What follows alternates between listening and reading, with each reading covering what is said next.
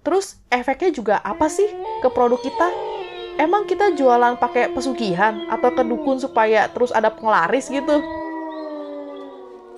Siapa sih yang nggak tahu toko Susana yang makan sate banyak banget terus bayarnya pakai daun gitu?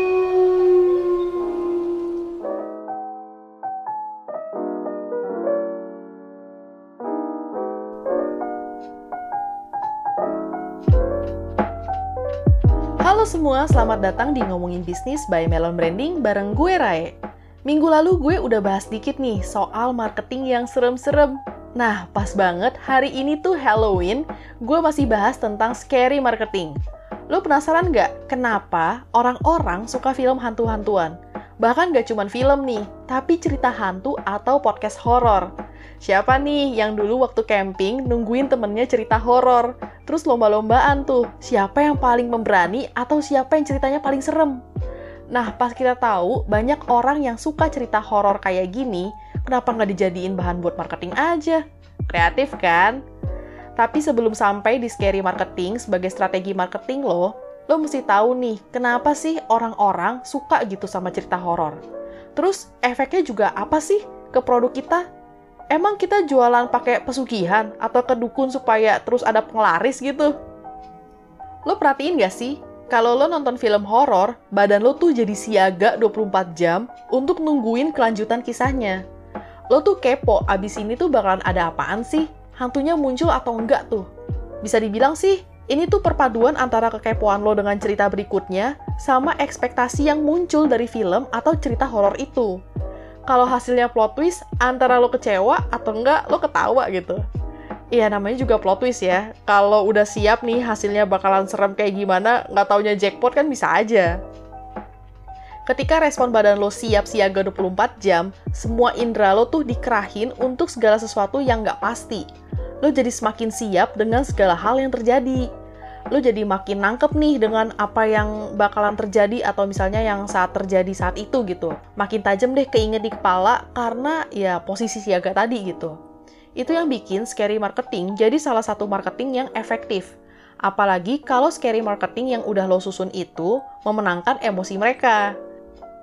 Sebenarnya scary marketing itu hampir pasti nih akan memenangkan emosi audiens lo mau nggak mau, lo akan mengaduk emosi mereka dengan segala ketidakpastian tentang hantu-hantuan yang udah lo buat gitu. Contohnya nih, kayak lo jualan kue, terus lo hias kuenya dengan aksesoris yang serem lah, entah itu bentuknya si labu kuning yang diukir kayak icon Halloween, atau mungkin cookiesnya dibentuk kayak kelelawar. Itu kan sesuatu yang nggak biasa dari apa yang biasanya lo kasih nih ke audiens lo atau ke target market lo yang nggak biasa dengan kemasan scary marketing itu bisa banget guide perhatian dari mereka. Nggak cuma model packaging produk ya, iklan dengan tema scary marketing ini juga mirip dengan yang tadi. Bedanya di sini, lo bikin cerita yang dituangin dalam bentuk iklan.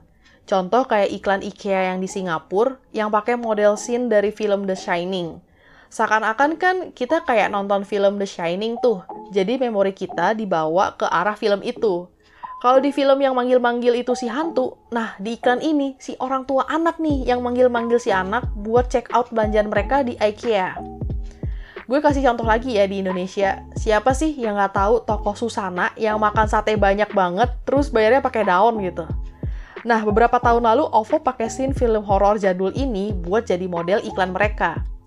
Si Susana beli soto sama sate di abang-abang pangkalan. Si abangnya mau aja lagi ngasih ke si cewek horor itu kita beneran dibawa kan tuh sama scene film itu. Kita pasti mikir nih, ini bakalan bayarnya gimana ya? Atau si abang ekspresinya serem gimana ya? Atau si Susana ini bakalan kasih scream atau scary yang kayak gimana ya? Eh nggak taunya, si Susana OVO emang sama-sama nggak bayar pakai uang sih. Tapi bedanya si Susana OVO udah bayar nih pakai OVO, jadi cashless gitu. Respon badan lo yang udah siaga, nggak taunya tuh akhirnya tuh plot twist bikin lo tuh jadi kayak tahu kan, oh ternyata kalau misalnya lo mau bayar cashless gitu bisa pakai OVO. Respon badan kayak gini sebenarnya ada penjelasan logisnya juga sih dari sudut pandang evolusi. Sikap siaga ke hal-hal yang nggak jelas kayak gini udah terbangun dari zaman manusia tinggal di goa. Pas itu kan manusia cuman di goa tuh sering denger suara-suara yang nakutin lah bikin mereka siap siaga. Kayak suara petir, suara singa, atau suara hewan-hewan buas lainnya. Terkadang mereka tahu kalau itu hewan buas, tapi kadang mereka juga nggak tahu sih itu suara apa. Pokoknya suaranya kenceng aja dan gangguin mereka. Yang mereka tahu itu pokoknya pertanda kurang enak gitulah.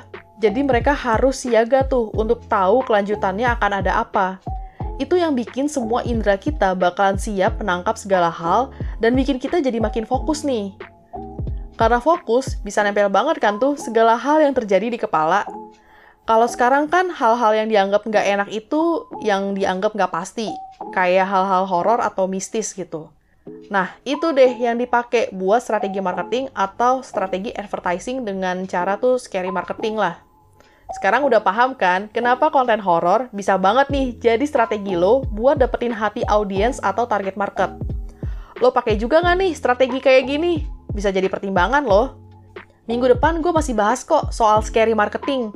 Makanya pantengin terus nih podcast ngomongin bisnis. Soalnya setiap minggunya tuh kita bakalan publish satu episode yang bisa bantu lo buat ngembangin bisnis dari segi marketing, branding, ataupun juga advertising.